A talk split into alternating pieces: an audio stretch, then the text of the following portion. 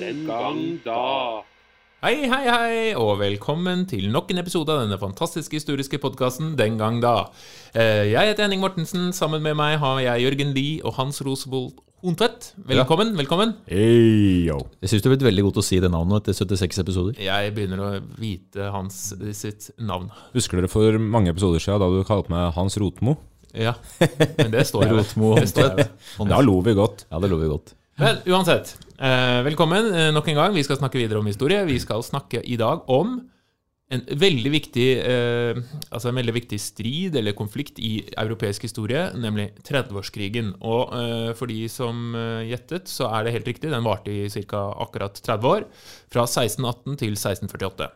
Dette er jo en krig som får store konsekvenser, og selvfølgelig betyr jo mye når den pågår. Men eh, hva er eh, 30-årskrigen? Stort spørsmål, og det er jo det vi skal bruke den neste halvtimen pluss til å diskutere. Vi pleier å bruke 42 minutter. Ja. Det er jo en krig, eh, eller kanskje en- rettere sagt en serie konflikter, eh, som er mellom en del europeiske stater ja, i den perioden eh, 1618 til 48.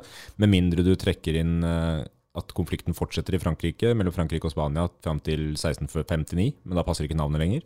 Og med mindre du sier det er en del av 80-årskrigen, som er med Nederland og Spania, som også slutter i 1648. Ja, nettopp. Og begynner før. ja. Eh, Men det har bakgrunn da i både religion og maktpolitiske spenninger, som jeg er sikker på at vi kommer til å komme nærmere inn på i løpet av disse 42 minuttene. Sånn cirka. Tradisjonelt sett så er jo dette sett på egentlig som en religionskrig. Mm. Altså da mellom protestantisme og katolisisme. Eh, og så kan vi jo komme litt dypere inn på om det virkelig var det, men eh, hva er liksom bakgrunnen for krigen, da? Religion er i hvert fall en del av bakgrunnen, det er det. Og når du sier religionskrig, så er det jo sånn at religionskriger hadde vært vanlig i Europa fra reformasjonen og framover. Eh, reformasjonen med kanskje ja, primært Martin Luther i tysk sammenheng fra slutten av 1400-tallet eh, bidrar til en, eller fører til en splittelse mellom den katolske og protestantiske kirka. Eller det vil si den bidrar til en fremvekst av protestantisk kirke, og da en splittelse av den katolske kirka. Eh, som en konsekvens av det her så blir det konflikt mellom eh, stater som, eller områder som tar til seg den nye læra, eh, kontra de som forholder seg til den gamle. Ja, for religion er viktig for veldig mange i den perioden her. Det er få alternativer i Europa til kristen lære og måten å leve livet sitt på. Og hvorfor blir det konflikt av Hva er som er greia med reformasjonen som gjør at uh, Nå spurte jeg, beklager Henning, at jeg stilte spørsmål, men jeg ble, altså, ble interessert i å høre hva Jørgen har å si om det. Du, nevnte Luther her, da. Og Luther. reformasjonens eh, poeng, eller Luthers poeng, var jo at eh, kirken hadde tatt til seg litt tradisjoner som ikke det finnes belegg for i Bibelen. Det er i hvert fall den protestantiske linjen. Blant annet så har de sju sakramenter som, hvor fem av dem mente Luther ikke hadde noen verdi, fordi det handler om deg og Gud. Mens den katolske kirken la stor vekt på kirkens rolle. Og dermed hadde den også veldig stor makt over folks liv. Ikke bare åndelig, men også verdslig sett, fordi du er helt avhengig av kirken i ja, både private og åndelige sammenhenger. Da. Så Luther ville på mange måter rydde opp, eller vaske, eller Han lutre, om Han du vil. lutre, ja. Og, og ikke, ikke Og dette er jo på ja. 1500-tallet, da. Ja, og bare, bare en kort ting til. Altså, ikke minst er det avlatshandelen da, som Luther er eh, en sterk motstander av. At du kan kjøpe deg fri fra tiden i skjærsilden ved å gi penger til kirken. Og så blir det en splittelse. Luthers poeng var jo ikke å splitte kirken, det var å reformere den. Men etter dette så er man fortsatt ikke enige om hvordan man skal praktisere kristendommen. Det er mye av grobunnen for denne konflikten. da. Ja, og så er det klart, de, de områdene der kirka mister makt, eh, fordi eh, protestantismen vinner der, eh, de, eh, altså, grunnen til at kirka mister makt der, er jo fordi protestantismen eh, ser bort fra kirka som eh, sentral eh, administrativ maktfaktor, sånn at kongene eller fyrstene i de områdene får kontroll også over kirka. Den katolske kirka setter jo i gang ganske storstilt sånn motreformatorisk arbeid i det som kalles motreformasjonen Ja. i årene etter eller en del år etter i hvert fall, eh, rundt 1540, eh, der man prøver å ta tilbake kontroll eller rekatolisere en del områder. eh, Særlig i Polen og tyske stater. Man klarer det noen steder. Man kjører også en sånn krig mot særlig hugenotter i Frankrike. Dette er en kalvinistisk retning. Som er enda en retning som er ikke-katolsk. Ja, det er en protestantisk retning, det òg, med opphav i Jean Calvin i Sveits. Um, fransk-sveitsisk. Og det er sånn at altså Luther er ikke den eneste reformatoren, det finnes jo mange som reformerer kirka på samme tid. Men, um, men katolikkene, eller katolske kirka, prøver å, uh, prøver å ta tilbake mye kontroll, uh, og også enhetskjører uh, læra si enda mer, da. Annet gjennom Trientkonsilet fra 1540-tallet og framover til 1560-tallet. Og i forbindelse med det her så blir det mye konflikt og krig mellom europeiske stater. En, uh, veldig fint, altså. Jeg bare tok et bilde av deg, fordi du sitter jo i munkekapp her. Ja, jeg har munkekuttet på. Uh, Så det syns jeg passer fint når du snakker om dette. Du ligner litt på Luther, faktisk. Ja, takk. Ja. Ja. Og han så for øvrig ut som en eh, ung Rolf Wesenlund. Ja. Fin referanse. Men la oss hoppe litt. ikke sant? Det du snakker om, eh, konflikter eh, blant de europeiske maktene og gjennom altså, religiøs betydning. Og så kom man da i 1555 i Augsburg fram til en slags løsning som egentlig går ut på at den som styrer, den bestemmer religionen. Altså, Ja. Fyrstens religion er religionen i det området. Bortsett fra kalvinisme. Det, det får man ikke lov til å være. nei. Men så, så det er en slags enighet da, eh, fra eh, 1555 om at man skal få lov til å Eller fyrstene da, skal få lov til å bestemme hvilken religion de vil ha. Men så går det jo ikke så bra. Det er ikke sånn lykkelige eh, alle dager eh, da. Og det han, han starter jo her i det tysk-romerske eh, keiserriket. Så aller først, det, Du må kanskje avklare hva er det for noe? Det er jo en slags arv, da. Eh, De mener jo selv at de er en direkte arv etter Romerriket. Men i praksis så er det en slags en konsekvens av eh, arveoppgjøret etter, Frank, nei, etter Karl den store i rundt 800. Ja. Det som skjer når man eh, skal arve hytter, f.eks., er at man må dele dem opp. Og det er vanskelig å skape konflikter. Og så også med barna til Karl den store. Så man deler hans store, Frankerriket, i tre. Og den østlige delen av det er det som blir det tysk-romerske hellige riket. Og dette her er jo en Det er et keiserrike, ja vel, men ikke på samme måte som det gamle romerske keiserriket, med en veldig tydelig sterk keiser på toppen som styrte alle områdene. Det var inndelt i mange tyske områder med individuelle styre, gjerne fyrster, som ofte var i konflikt med keiseren om hvem som skulle ha mest makt. Mm. Men når vi kommer inn på 1600-tallet, så er jo, eh, er jo denne tysk-romerske keiseren en fra altså Habsburgerne må vi også komme inn på da. Denne, dette, denne slekten som har uh, keisermakt og styrer over mange områder. Svære deler av Europa. Svære deler av Europa. Spania. Ja, Østerrike. Østerrike. Så, så det er jo de som styrer. Og så starter jo krigen, da vi må liksom komme oss til krigsutbruddet i det som er Tsjekkia-Praha i dag. Ja. Det Hva er det som starter krigen? Gamle Bøhmen, der, eh, der um, Tre nøtter til Askepott eh, utspiller seg, for øvrig. Ja, det kan, kan jo godt hende at tidsperioden også kan passe ganske bra. Ja, det med det. er Eh, sånn Men altså Bøhmen, det er da dagens Tsjekkia omtrent. Eh, og det er det, Hvis man deler um, krigen i flere faser, så kaller man den første for den bø, bømske, bømiske, bømske, bømiske. bømiske fasen fra 1618 til 25.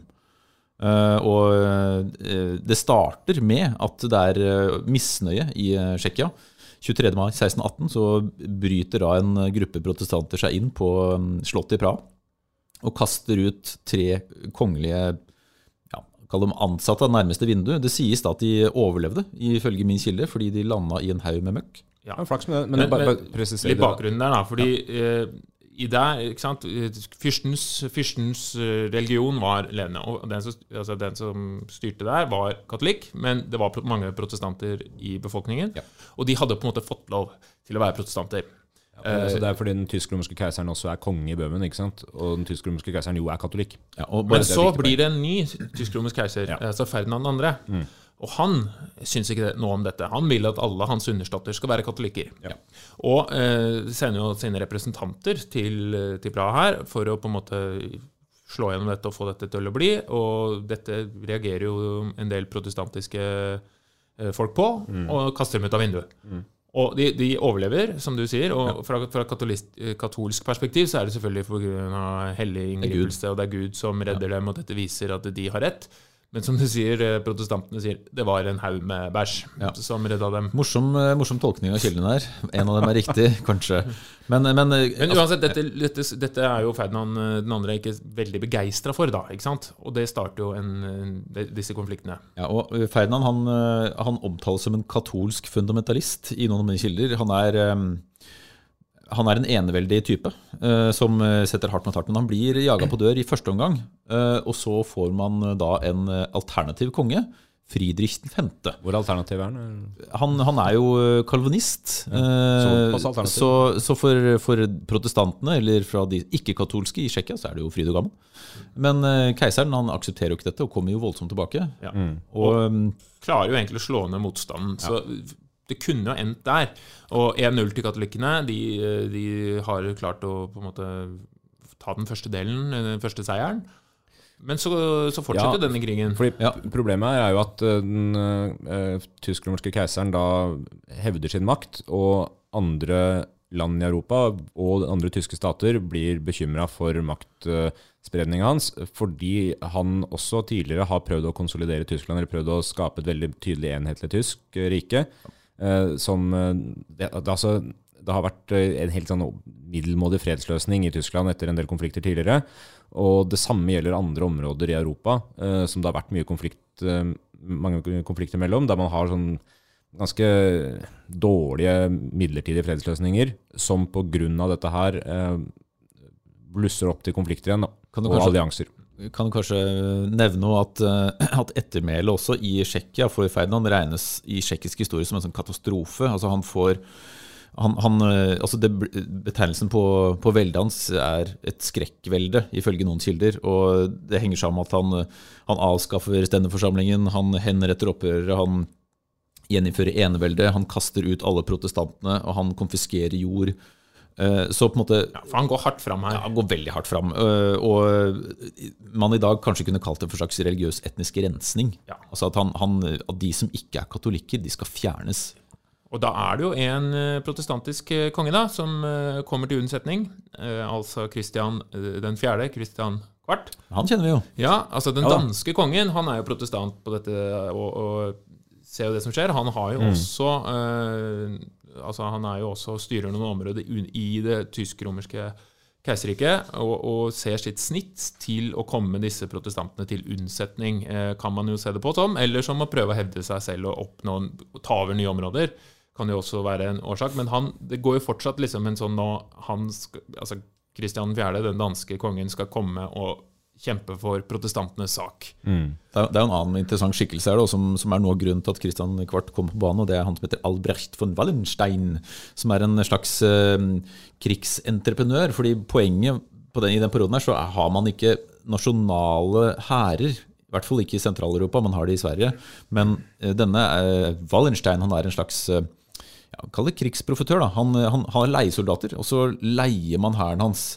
Og den tysk-romerske keiseren han leier Wallenstein. Ja. Og han eh, går voldsomt fram nordover i Nord-Tyskland, hvor protestantene står sterkt, og nærmer seg på en måte de danske grensene til Kristian 4. Ja, han blir jo leid inn for å slå Kristian, eh, og han var jo egentlig født protestant, altså Wallenstein, Ja. Eh, men eh, konverterer til katolisismen og, og blir leid inn av eh, Ferdinand til å ta uh, danskene. Og klarer jo det, Ja, egentlig. Kristian 4. det går jo ikke bra.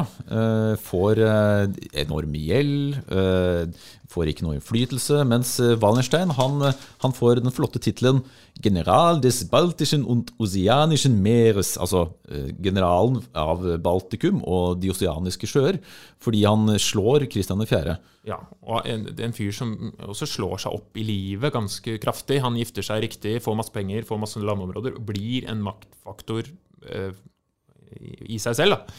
Så eh, han klarer å slå danskene. Eh, det går dårlig for Kristian. Christian. Eh, og 2-0 til katolikkene. Kan vi bare ta et, en liten refleksjon her? Altså Disse private hærene og det at det er enkeltmennesker som styrer krigen på vegne av noen, gjerne de som betaler mest, gjør, eller bidrar veldig til at denne konflikten og perioden er ganske kaotisk. Ja. Det er vanskelig å få oversikt over hvem er det de kjemper for. Ja, men Fordi de kjemper for enkeltpersoner. Og, og de som er med i disse hærene, de har jo ikke noen lojalitet til nødvendigvis verken Bøhmen eller staten eller keiseren. De, bare, de gjør det for pengene. Ja. Da er det jo også fordi altså Det er kaotisk av flere grunner, selvfølgelig blant annet det her, men det er også fordi eh, religion, eh, som vi sier, er en viktig her, eller en viktig faktor her, men at de religiøse eh, skillelinjene blir kryssa stadig vekk. Sånn at eh, Frankrike, som i utgangspunktet er katolsk, likevel er på den protestantiske sida.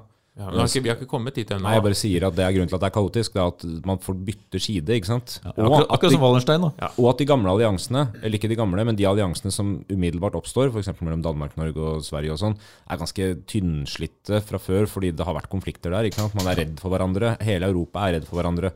Ja, Dette her er liksom starten på et sånt Europa i konflikt som vi ser utover 1800-tallet òg. At, eh, at de alliansene som, som smis, er, er, er ja, ikke gode. Nei, De er basert på ganske kortsiktige vinning, da. Men disse private hærene, da, dette, dette får jo forferdelige konsekvenser i denne krigen. For dette er en krig som blir nærmest total, fordi disse, totale, eh, altså disse private hærene, altså hærene som eh, beveger seg rundt eh, i de sentraleuropeiske områdene, de, de trenger mat, de trenger drikke, og så er, oppstår det en sånn hva de har- skal jeg si, en uh, veldig destruktiv guttastemning som gjør at de på en måte uh, dreper og voldtar og eh, tar seg fram. Så dette er jo en krig som får forferdelige konsekvenser for sivilbefolkningen. Er det det som kalles toxic masculinity? Det, det er jo aller høyeste grad. Og de, uh, for folk som på en måte møter disse her så, altså Landsbyer blir utryddet, blir fjerna. Folk har ikke noe valg. Følger hæren til neste landsby bare for å prøve å få seg noe mat. Mm. Så dette er jo en krig som blir eh, Altså, det er operert med at sånn, jeg har sett noen tall på at rundt 20 av total eh, av den sentraleuropeiske europeiske befolkningen dør. I noen områder opptil 50% av befolkningen dør. Altså Det er ekstreme tap, og det er mye herjing, om du vil. Noen av de strategiene der minner jo litt om krigføringa, f.eks. Altså vi har snakka i tidligere episoder om eh, norsk storhetstid og, og Leidangen og sånn. Det er noe som minner litt om det der. ikke sant? At man, at eh, man eh, for å kunne operere ute i felt, så er man avhengig av nye ressurser, og det tar man stort sett fra folk. Og det er også det soldatene får i utbytte. Det er det de klarer å tuske til seg. Ja, For de har ikke muligheten til å ta Nei. med seg mat. Nei, og det som er problemet, og de får ikke så mye lønn bort fra det de klarer å ta, og vinneren får, får det. ikke sant? Og lønna er ofte det du plyndrer. Ja, og Problemet her er jo selvfølgelig etter hvert når områdene rett og slett går tomme for ressurser. Da mister man jo også litt lysta på å krige. Den gang da. Men Christian eh, blir slått. Wallenstein han eh, gjør en god eh, innsats, eh, hvis Ja. vi ser det sånn. Eh, katoli katolikkene leder nå 2-0. Og så eh, kommer vi inn i da den neste fasen, altså Ja. den svenske fasen. Ja, For nå nærmer han seg jo Østersjøområdet, da. Ja. Hvor svenskene begynner å også hevde sin sto begynnende storhet. da. De Dette er også begynnelsen på den svenske storhetstida, egentlig. De har jo drivet og drømt om en sånt Østersjøimperium. Ja. Det, det er jo mange som frykter det, bl.a. Danmark-Norge, som på det tidspunktet er alliert med Sverige, og England og Nederland og i det hele tatt, som også er alliert med Sverige. Og da har jo den svenske kongen, Gustav Adolf. ja, Eller- Gustavus Adolfus. Jeg syns det høres mye finere ut. Syns sikkert han òg. Ja. Det, det høres bedre ut. Gustavus Adolfus. Adolfus. Ja. som er eh, svenske kongen på den tiden, som også da går inn i krigen mot eh, det tyske, altså mot Mm. Ferdinand, da.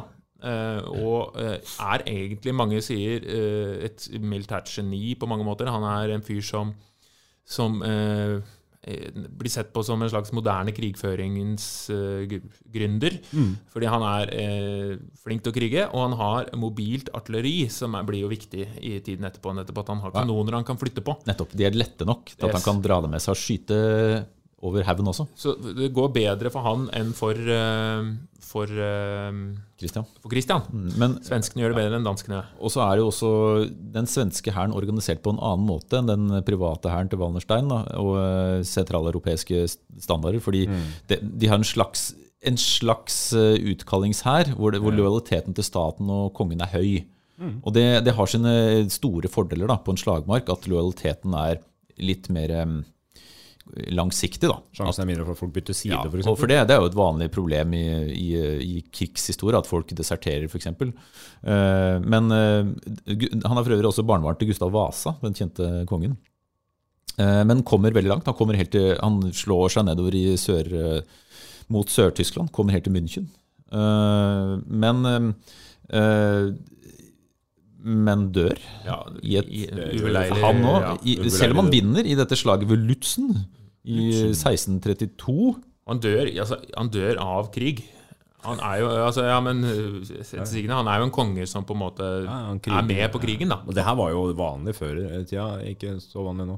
Men- Og, og dø i krig, ja. Nei, at, nei, nei, Av krig. nei, Av, at kongen dør av krig. Ja, fordi han er en krigerkonge. Like ja, med, som, men som det var. jeg har noen tall også fra altså Hvis du var svensk og, og ja, Altså hvis du var svensk voksen mann og levde i Sverige da, eh, på 1600-tallet, så var eh, rundt 25% av befolkningen døde i krig, har man tall på.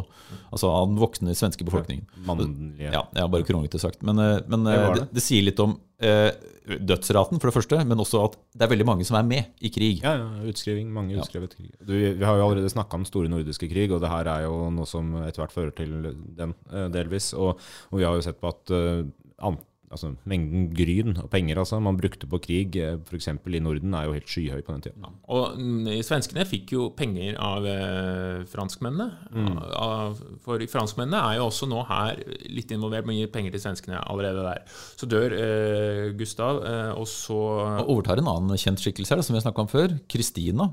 Hun som eh, drepte Descartes i Slottet fordi det var så kaldt der. I eh, episode, 20, episode 64, Filosofihistorie del 2. Kan dere høre om det? Altså, du husker episoden nå? Ja, Jeg har skrevet den, ned. Det er derfor jeg husker det. Eh, Men Kristina, den, den, mindre, den mindreårige datteren hans overtar da, etter han. Ja, og Den svenske krigføringen dabber jo litt av, da, nå som eh, Kongen kongen var død. Eh, og franskmennene involverer seg i større grad. Og her, her bryter jo, ikke sant, fordi det begynner jo kanskje som en religiøs konflikt med en katolist, katolsk fundamentalist, som vi nevnte, med Ferdinand som slår ned da opprøret i Eller forsøker å liksom innføre eh, katolisismen i større grad. Og så kommer jo Kristian også litt sånn som en sånn eh, katolsk, eh, nei, protestantisk forsvarer, men så begynner svenskene å blande seg for å hevde seg, og så kommer franskmennene inn, og da er det jo på mange måter ikke lenger en religiøs Nei. konflikt, fordi eh, franskmennene, som du nevnte i stad, er jo katolikker. Ja.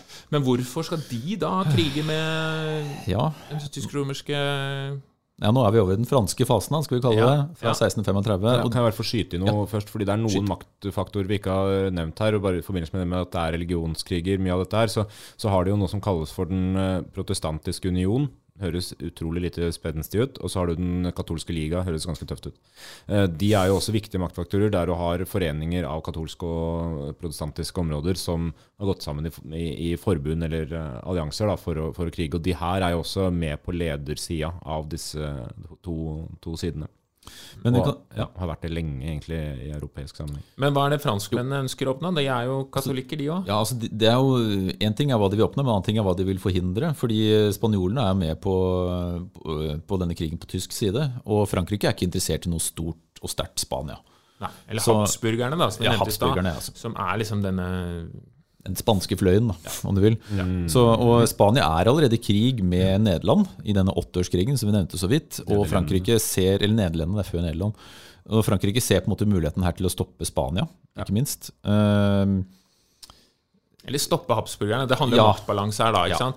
Fordi det er, eh, Frankrike er jo en stormakt. Uh, habsburgerne er jo også uh, større makter. Ja, eh, de, sant? de er overalt. Så Og de, Frankrike ser seg tjent med at de ikke blir for mektige. De ser jo sine, sine interesser trua og tenker at her må vi slå ned før de slår oss. egentlig. Altså Det er maktbalansen som jo har jo vært Altså i europeisk, Det som er problemet med Europa, at det er mange eh, småland og større land og uh, u, altså ganske jevne maktfaktorer. Det er jo problemet gjennom hele den europeiske historien, nærmest, som gjør at de hele tiden uh, går i tottene på hverandre. Ja, eh, så eh, Frankrike ønsker på en måte å, å stagge da den eh, tysk-romerske keiseren og på en måte denne ekspansjonen, og, og går i krig. Så, har vi en, eh, så denne krisen er jo litt vanskelig å få oversikt over, som jeg sa. Og nå, nå skal jeg holde tunga rett i munnen, for nå, det på en måte, nå blir det mer omfattende. Eh, For Frankrike går inn på eh, protestantenes side Ja. i, eh, i Tyskland. De, går også, altså de støtter dem. Samtidig så går de inn og kjemper eh, i praksis mot Spania. Og ikke nok med det, men Nederlandene, altså det som senere skal bli Nederland, de kjemper til sjøs mot Spania for å knekke Spania på, eh, på utsiden. da. Så man har en veldig omfattende altså i, i, Det er jo Ja, for Nederland, Nederlendene var jo da i stor grad styrt av Spania. ja, Så de kjemper for sin egen selvstendighet. Yes. Så, så det er en veldig omfattende konflikt, da. Med, ja, eh, og Spania i den perioden her, de får etter hvert eh, store problemer med å kontrollere seg selv, og mister jo etter denne konflikten sin storhetsperiode, eller, storhets, eller sin makt, da, i, i Europa. Dette er også en periode bare for, Dette er jo preget altså i Spania av inflasjon, det er den lille istid, så det er dårlige avlinger. Det er rett og slett eh, dårlig kår eh, jevnt over, og krig oppå alt dette gjør jo at det går ganske ræva. og Spania kjemper også mot sjørøvere for øvrig i den koloniseringsperioden sin. Så for det har- er jo de- samtidig dette er også hvor også europeerne drar rundt og koloniserer, så man har liksom en finger med i spillet overalt, da, som bidrar til maktkonflikter. Ja, men uh, i, eh, for å få ta et tall her, da. I eh, 1639 så blir uh, da Spania knust til sjøs av uh, Nederlandene.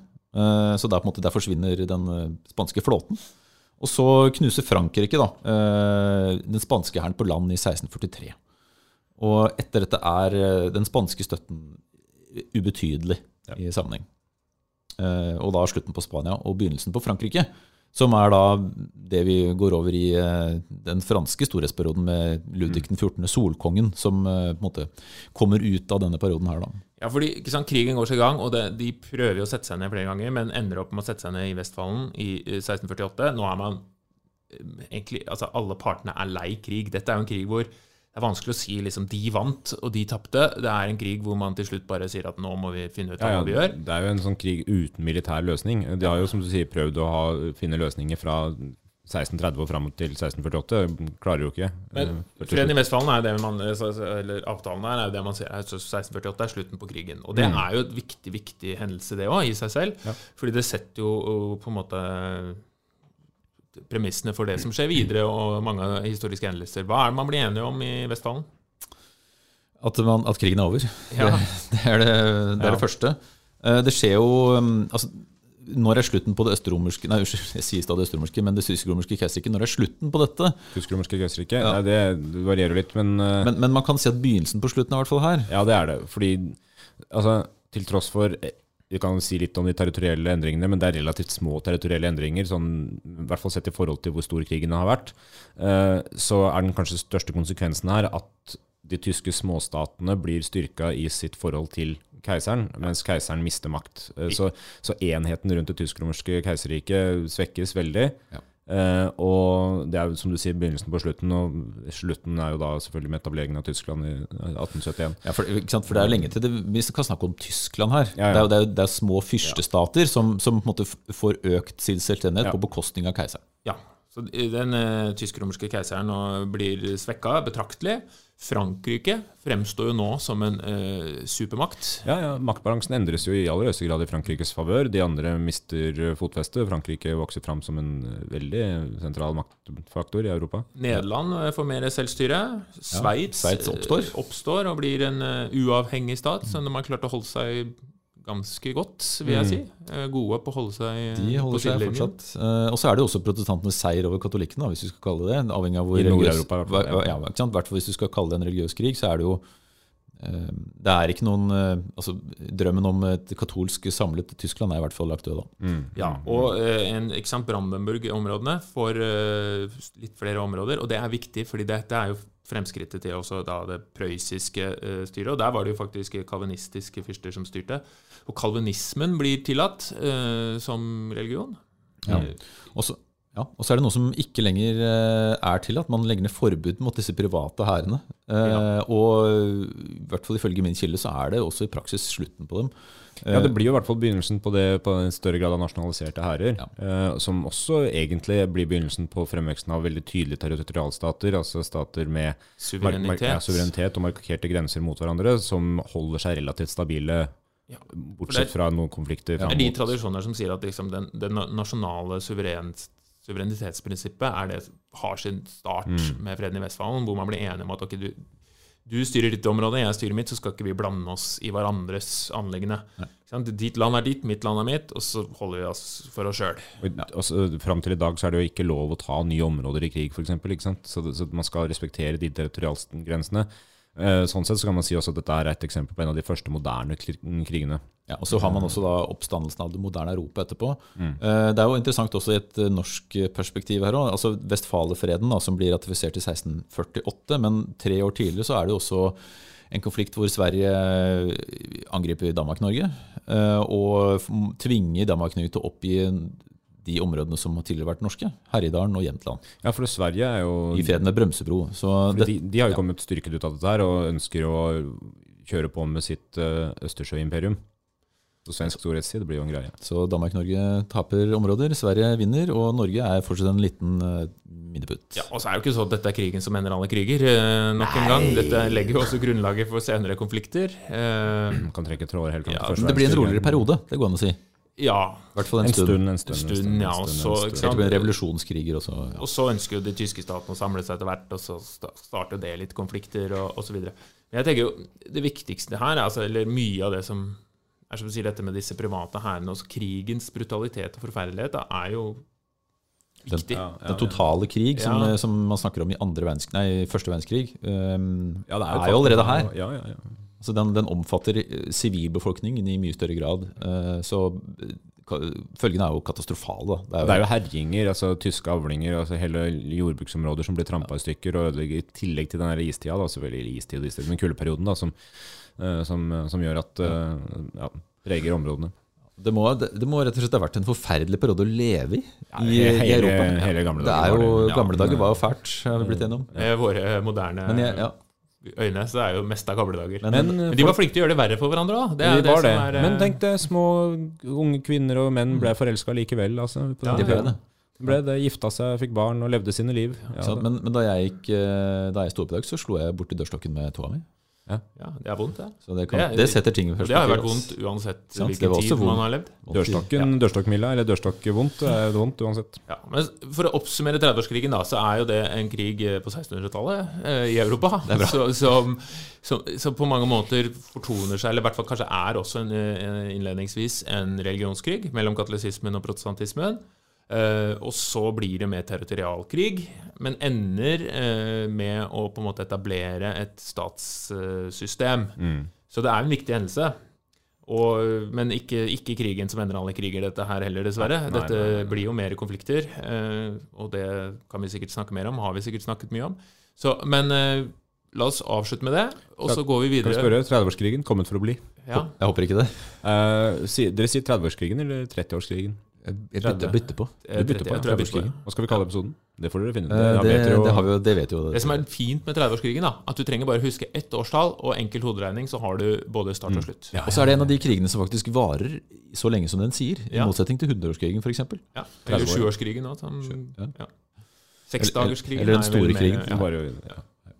Ja, men bra, bra. Da har vi vår nye faste spalte. Eh, er det sant? Er det sant?! Ja, er det det? Eh, Jeg har en liten, eh, spørsmål, et lite spørsmål til dere. og dette er, Siden vi har snakka litt om religion, så er dette henta fra religionshistorie, eller eh, litt sånn på sida. Og spørsmålet mitt er er det sant at det å bruke gaffel eh, på 1100-tallet ble oppfatta som vanhellig og respektløst av den katolske kirka? Uh, ja, Altså, altså når man spiser, eller til andre ting? Nei, nei, bruke gaffel, ja. For å Fordi spise. Ja, fordi da, gaffelen ble oppfunnet, det er helt på trynet, men man, brutt- man begynte å bruke gaffel. fordi det og man, sent, men hvorfor eh, ble det ja, nå ser jeg for meg liksom djevelen med en sånn uh, Ja. Ikke sånn, eh, ikke, ikke en trident. Ja, Nei. nei, nei, det er gaffel, men du- for all del. Fordi det du, ligner- var- hvis du bruker den forklaringa. Det, var det det, eller, Jeg jeg er er det oppspinn som Det er mye man sier om den katolske kirka som er oppspinn. Ja, jeg har lyst til å si ja, det var forbudt. Du vil si ja, Henning? Ja, altså, Det var ikke forbudt, men om det ja, var fordi reseptstoff. gaffelen Var det sånn cirka da man fant Når fant man opp gaffelen? Ja, det er omtrent da, tror jeg. Ja, Hva, hva brukte man før, da? Fingre og skje. Fingre og skje? Ja. Ja. Men det er jo sikkert noen som har brukt én spiss gjenstand. Altså stikke Nei, men det er ikke gaffel, det må være tre, Nei, det er- liksom. Ja, tre, ja, eller Fire. to, to. Man bytter vel med to. Eh, Kineserne har jo alltid hatt sine pinner. Er Ja. Det er en slags Eh, gaffel. jeg tror Nei, det kanskje det er Det er klassisk typisk at det er sant, fordi alt som er nytt, er jo skummelt. Akkurat som uh, tonesprang var forbudt. Ja. Mm. Men ja, Ja, vi, la, du sier sant. jeg sier sant. ja. Da sier jeg at det ikke er sant. Oi, Bare for å, Bare for å, skape ja, gjøre det spennende, ja. Ja, ja. Det er uh, ett poeng til Jørgen. Er det det? Ja, okay. så, vidt uh, det var sant. så vidt mine kilder uh, Og det er, her kan sikkert folk krangle. Jeg syns grunnen er morsommere da enn at det er sant. Og grunnen er ikke fordi det handler om djevelen, for det var det første jeg tenkte òg da jeg leste om dette her, men, men grunnen er rett og slett fordi eh, gaffelen ble sett på av kirka som en form for falsk hånd. Og da begynte man å kludre med Guds skaperverk. ja, ja. Ved å bruke et hjelpemiddel som ikke var på en måte en naturlig del av kroppen. På samme måte som sko. Ja, Eller hansker. Men dere vet jo hvordan det er. Eller klær generelt. tenker. Nytt er dritt. Ja. Nytt er dritt. Ja, er helt enig. Helt enig. Det er bra. Tenk, da, tenk hvis noen introduserer en gaffel med seks sånne tagger. Det jeg kommer til å bli helt gæren. Ja, eller barberhøvel. Mange blader er man Ja, hvor mange blader er nødvendig å ha? Nå, nå må det holde snart. Ja. Nei, men uh, La oss si at det får være dagens uh, avslutning. Sier vi takk for nå. Ha fortsatt fin dag. Ha det bra.